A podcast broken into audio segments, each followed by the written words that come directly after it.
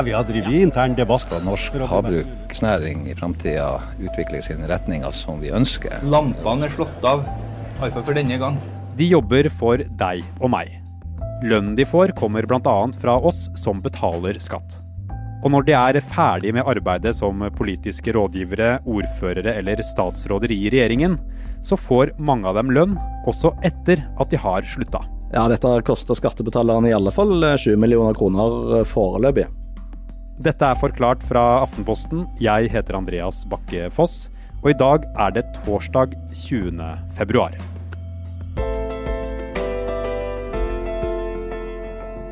Det, det er jo spesielt dere, vet du. På sommeren skal vi ha noe godt på grillen. Hva gjør vi da? Jo, da går vi og får til indrefilet av gris. Frp-politikeren Robert Eriksson sitter ved et bord med hvite duker og tøyservietter. Han spiser ribbe og drikker hvitvin på en av Oslos finere restauranter. Og han snakker om nordmenns matvaner. Kommer vi til jul, så skal vi ha det der verst kjøttet på grisen som ligger helt utmed skinnkanten. Det vi hører i bakgrunnen er VGs journalister som intervjuer ham dagen etter at han ble byttet ut som arbeids- og sosialminister i 2015. Lampene er slått av, iallfall for denne gang. Hva ønsker jeg å bruke livet mitt framover på? For da statsminister Erna Solberg skulle rokere i regjeringen, så var det ikke plass til politikeren fra Nord-Trøndelag. Og så kan jeg tenke meg å prøve å finne ut i mitt Jeg tror det er viktig å lytte på seg sjøl og lytte til, til ditt indre. Hva er det du Og da Robert Eriksson mistet jobben, så måtte han inn i en ny hverdag. Og finne ut av hva han skulle bruke dagene på. Husk på det at tida går ikke, vet du. Tida den kommer, den, og det er fullt av muligheter. Det riktig. Og så er det jo fra hverdagen. altså Det er jo det er fullt mulighet til å bli lottomillionær. Ja, det er fullt mulig det, men da må jeg begynne å spille lotto. Det har jeg gjort. Men det Eriksson startet med å gjøre, var å opprette et selskap. Han opprettet et uh, selskap som het uh, Løkka i livet AS, som han oppga skulle drive med ulike rådgivningstjenester innen samme område som han jobbet med som politiker. Hva skjedde da han opprettet dette selskapet? Da ble han ilagt eh, karantene på seks måneder, og det gjorde at han fikk eh, rundt 630 000 kroner i etterlønn. Henning Kar Ekerhold jobber som journalist her i Aftenposten. De siste dagene har han publisert flere saker om en ordning som har vært omstridt i lang tid. Ordningen som sikrer regjeringspolitikere lønn etter at de er ferdig i regjeringen. Hovedreglene er at en politiker som enten har vært politisk rådgiver, statssekretær eller statsråd, kan få inntil en måneds etterlønn, opptil tre måneder hvis de ikke har annen inntekt. Men så er det en liten tvist, og det er at hvis de begynner å jobbe med noe som kan utfordre tilliten til forvaltningen, som det heter, altså at de kan bruke den kunnskapen de har opparbeida seg som politikere til å, å tjene penger på noe, f.eks. rådgivning, så kan en egen nemnd ilegge de karantene i opptil seks måneder. eh, Og det gjør at de kan få utbetalt eh, etterlønn i opptil seks måneder, og det er det ganske mange som har gjort. Men hva er egentlig hensikten med denne ordningen? Ja, Hovedhensikten er jo å unngå at politikere bruker kunnskap som de har fått mens de har vært i regjeringsapparatet eh, til sin egen fordel. Det er jo slik at eh, statsråder og statssekretærer og politiske rådgiver får tilgang til mye sensitiv informasjon som offentligheten ellers aldri får vite noe om. Eh, og det kan jo være en ganske sterk fordel hvis man f.eks. skal drive med rådgivningstjenester til kommersielle aktører. Hvordan skiller den ordningen seg fra det vanlige arbeidstakere har? Ja, Vanlige arbeidstakere har jo ikke noe lovfesta krav på etterlønn. De fleste har jo eh, en måneds oppsigelsestid, og da må de jo gjerne jobbe mens de får lønn. Eh, så er det jo noen eh, ganger at ledere kan ha egne avtaler om å få etterlønn, òg i det private næringsliv. Det er ganske utbredt. Men ellers så gjelder det jo det at man går over på dagpenger, og der vil man jo aldri få mer enn 345 000 kroner i året. Mens en, en statsråd som går av, kan få opptil en million kroner mer enn det i, i etterlønn i, i året, da. Henning laget en oversikt som viser hvor mye penger som er brukt på etterlønn de siste årene. Og det er ikke bare den høye totalsummen som er interessant. Vi er straks tilbake.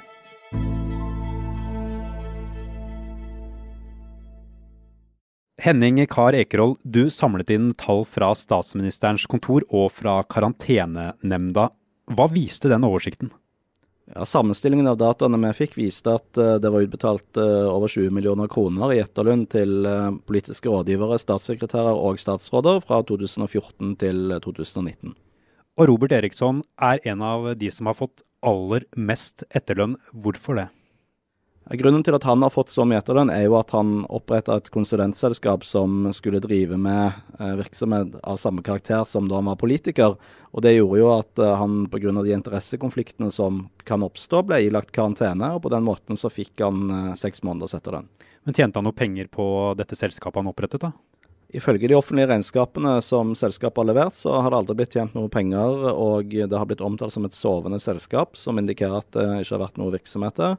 Og det ble jo lagt ned i august 2019. Eh, Men hva sier eh, Eriksson selv om eh, dette selskapet og den etterlønnen han har fått? Nei, Han gir jo uttrykk for at dette er noe han gjorde fordi det var vanskelig å finne en jobb rett etter at han sluttet som statsråd, og at han hadde en ambisjon om å prøve å få til noe her. Uh, og Så ble det aldri noe av. og Han har jo òg uh, gitt uttrykk for at han mener at den ordningen sånn som den er i dag, er rettferdig. Men er det andre kjente eksempler på noen som har mottatt mye etterlønn fra regjeringen til Solberg?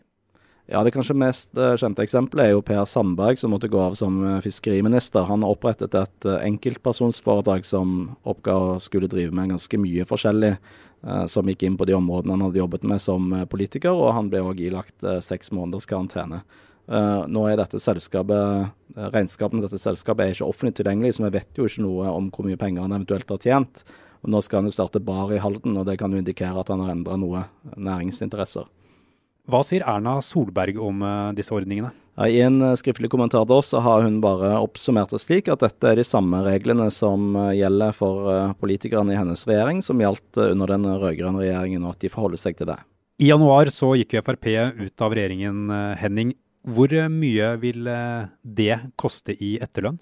Ja, Vi har sett litt på de som har gått ut. og Totalt så er det 36 politikere som har rett til etterlønn. og Hvis man legger til grunn det som har blitt utbetalt uh, tidligere, så kan man anslå at det kan komme opp i 8-10 millioner kroner. Men det kommer jo litt an på uh, hvor mye de ulike uh, politikerne vil få. Så, men det, det kan bli så mye. De to Frp-politikerne Per Sandberg og Robert Eriksson er ikke de eneste som har mottatt omdiskutert etterlønn.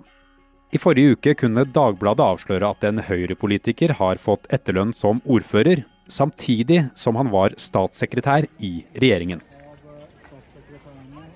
I januar forlot Frp regjeringen, og statsminister Erna Solberg ble nødt til å presentere nye statsråder. Og da hun kom ut i sola på Slottsplassen etter Frexit, var fiskeri- og sjømatsminister Geir Inge Sivertsen en av de største overraskelsene. Jeg tenker at skal norsk havbruksnæring i framtida utvikle sine retninger som, som vi ønsker, og, og, det, og, vi ønsker jo at det skal være en vekst, så må vi også kunne være så sikre som vi kan på at dette skjer innenfor bærekraftige rammer. Før han ble statsråd, så var han statssekretær. Og før det igjen så var han ordfører i Lenvik kommune i Troms. Geir Inge Sivertsen søkte og fikk innvilget halvannen måneds etterlønn eh, etter at han var ferdig som ordfører i eh, Lenvik kommune. Andreas Slettholm er kommentator i Aftenposten. Samtidig med at eh, han var blitt statssekretær i Næringsdepartementet og etter hvert blitt fiskeriminister. Og dermed fikk han 120 000 kroner i etterlønn, samtidig som han var i full jobb i regjeringsapparatet. Men hva sier Sivertsen selv til dette? Sivertsen beklager og ser nå at det var eh, feil. Det skal jo sies at kommunestyret gjorde en feil ved å innvilge denne etterlønnen når eh, Sivertsen hadde eh, jobb. Men Sivertsen sier at han gjorde dette på oppfordring fra rådmannen, men ser at det blir feil i ettertid. Men han kommer til å betale tilbake pengene? Han sier at han skal betale tilbake de pengene han har fått urettmessig. Ja, God ettermiddag. Dette er Dagsnytt 18. Jeg heter Alf Hartgen, og aller først skal det handle om politikernes etterlønn. Debatten om etterlønn, karantene og konsulentselskaper har vi hatt før. Som her i Dagsnytt 18 på NRK for seks år siden. Tidligere Ap-statsråd Carl Eirik Skjøtt Pedersen fikk maks etterlønn fra regjeringen fordi han startet konsulentselskap og dermed fikk forlenget karantene, har blåst liv i debatten om politikernes etterlønnsavtaler. Og Høyres Michael Tetzschner, som den gang satt i kontroll- og konstitusjonskomiteen på Stortinget, konkluderte sånn her. Så Det vi egentlig står overfor her, det er bare å vurdere om dette er eh, riktig kompensasjon for reelle utgifter. Og hvis det er det, så er det i orden. Hvis det er proforma-utgifter for å få noe ut av systemet, så er det ikke i orden. Andreas, er det ikke bare rett og rimelig med etterlønn om man eh, mister jobben eller får yrkesforbud i en eh, karantene? Ja, dette er egentlig to ganske forskjellige problemstillinger. Etterlønn kan forsvares for politikere ut fra eh, generelle arbeidsvilkår. ikke sant? Du eh, jobber Mange kan ha brukt veldig mange år i politikken. De kan miste jobben over natta, de kan stå uten stortingsplass. Eh, mye kan skje, og derfor kan det være rimelig at man også har en ordning for eh, avgangen som skiller seg litt fra det normale arbeidstakere har. Karantenereglene er jo noe ganske annet, hvor du faktisk ilegges en form for yrkesforbud fordi du har håndtert mye relevant og sensitiv informasjon. Og, og da vil det jo være veldig urimelig hvis du verken kan jobbe eller skal få noen penger for det. Sånn at uh, da, er, da, da er begrunnelsen for etterlønn si, litt sterkere der. Men du mener det er vanskelig å forstå den prinsipielle begrunnelsen eh, for etterlønn til folk som går rett over i en annen jobb. Hvorfor det? Det ligger jo i at etterlønn skal være et sikkerhetsnett. Det er ment for politikere som ikke har en annen jobb å gå til, eh, og, eh, og, og få mulighet til å områ seg i en viss periode osv. Men hvis man går over i en annen jobb, så mener jeg at det er helt uforståelig at politikere mener at de har krav på etterlønn i tillegg. Du mener også at det er eh, folk i regjeringen som ikke ser forskjellen på at etterlønn skal være et sikkerhetsnett og ikke en avslutningsbonus. Andreas, hva er det du mener med det? Ja, nei, Det handler jo om eh, fiskeriministeren uh, Geir Inge Sivertsen, da, som ut fra det vi vet, ser ut til å ha villet ha etterlønn utelukkende for å ja, bl.a. kunne ta ut ferie osv. Og, så og da forstår jeg ikke annet enn at uh, han har villet ha med seg disse pengene som en fin, uh, fin, bonus. Og det som er litt spesielt, er jo nettopp at det nå dreier seg om en sittende statsråd som bør være særdeles opptatt av uh, tilliten uh, til politikere og fra velgere. mens mange av disse etterlønnssakene jo nettopp har handlet om avgåtte statsråder og deres vilkår når de har gått av. Men denne etterlønnsordningen har vært omdiskutert i mange år, Andreas. Hva ville vært en bedre måte å løse det på? Nei, jeg vet ikke om det fins eh, noen ideelle måter. Nå har jo regjeringen snakket om, uh, når det gjelder disse karantenereglene, at kanskje disse tilfellene der hvor man kan opprette enkeltpersonsforetak innenfor det området man har jobbet med som, som minister, for så dermed å utløse karantenetid og ekstra etterlønn, det er ganske uheldig. og det, det håper jeg at det blir en innstramming på. Så får man i hvert fall noen justeringer på dette regelverket.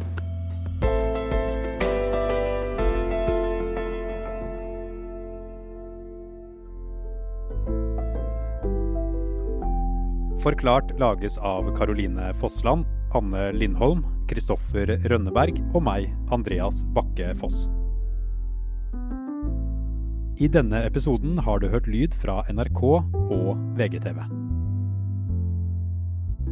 Har du tilbakemeldinger eller spørsmål, da er det lettest å nå oss på Facebook-siden Forklart. Vi følger Vær varsom-plakaten, og ansvarlig redaktør er Trine Eilertsen.